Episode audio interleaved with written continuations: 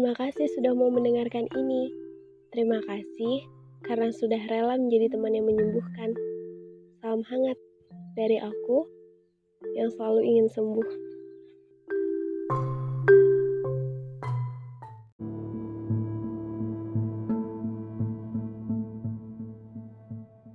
Udah Kamis lagi ya. Tiba-tiba besok juga udah Oktober aja. Gak kerasa, kurang dari 100 hari lagi tahun 2020 akan selesai.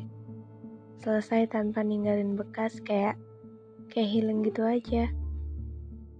Resolusi 2020 yang sempat dicatat rapi, dijadwalin bener-bener bahkan gak kesentuh sedikit pun. Sempet gak sengaja kebuka dan dan ngebatin.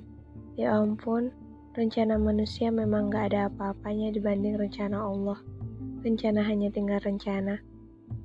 2020 juga tentang sedih dan senang, yang rasanya sulit buat diungkapin tapi saya tahu kita sama-sama paham segimana nanu-nanunya. Sedih karena tentu aja cita-cita, harapan, target pencapaian yang harusnya dieksekusi tahun ini, bahkan harus ditutup sebelum dimulai terpaksa menerima yang sulit untuk diterima, terpaksa mengikhlaskan kegagalan dan berdamai dengan situasi rumit. berat, berat banget. Senang karena... boleh gak sih saya ingin skip bagian ini? Bukan, bukan karena tidak pernah senang. Saya tahu orang-orang percaya hal-hal gak baik selalu berdampingan dengan hal-hal baik. Jadi, dari 365 hari kurang ini, tentu aja sedikit banyak ada hal-hal menyenangkan. Tapi ya gimana? Ketika sedih lebih mendominasi, 2020 rasanya jadi tahun paling berat dan tahun paling sedikit kesenangan. Tapi pernah ngeh gak sih? Seberat itu dan kita bisa survive. Pernah nggak sebentar aja ngebayangin gimana kerasnya diri kita berjuang selama setahun? Bertahan dan beradaptasi di situasi yang sebenarnya nggak pernah kita prediksi dari awal. Ketika saya memikirkan itu, rasanya pengen peluk diri sendiri. Beneran, terharu aja. Soalnya di awal-awal saya selalu ngeluh. Duh, kayaknya ini nggak bisa deh. Tapi akhirnya, sampai juga di penghujung tahun. Pengen nangis, dan dan rasanya kayak nggak percaya gitu ya ampun ternyata aku sekuat itu. 2020 nggak sepenuhnya buruk sih. Karena dari sini kita punya me time yang lebih banyak sama diri sendiri. Sampai akhirnya perjuangan yang gak pernah saya apresiasi pencapaian yang saya anggap biasa aja tiba-tiba jadi begitu berharga. Um, mungkin memang dalam hidup kita perlu me time kali ya. Ngobrol sama diri sendiri, ngomongin apa yang seharusnya diupayakan, apa-apa yang penting dan gak penting ada dalam hidup kita. Baru nyadar bahwa ternyata selama ini saya terlalu sibuk pada hal yang jauh dan bahkan gak bisa ada, ketimbang peduli dan memahami diri sendiri yang lebih nyata.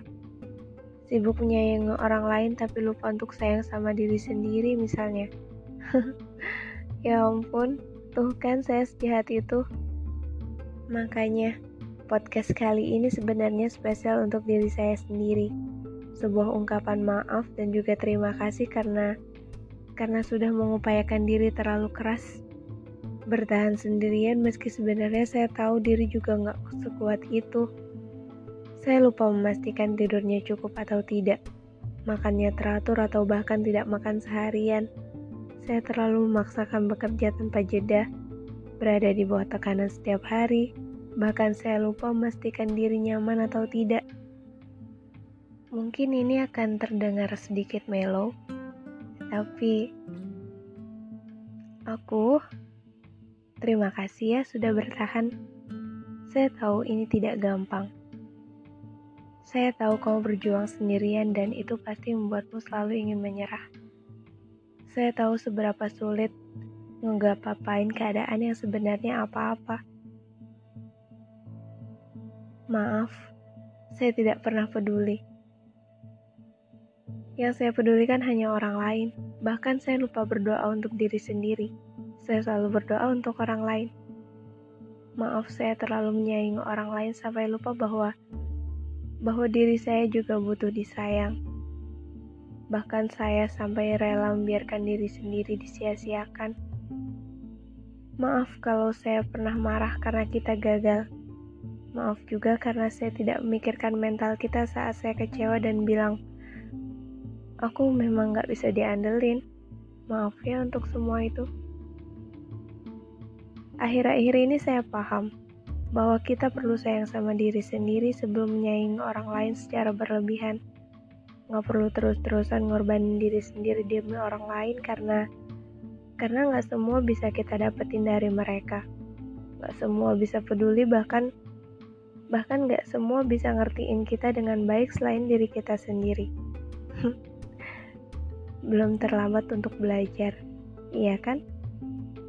Aku, kita sudah di penghujung 2020.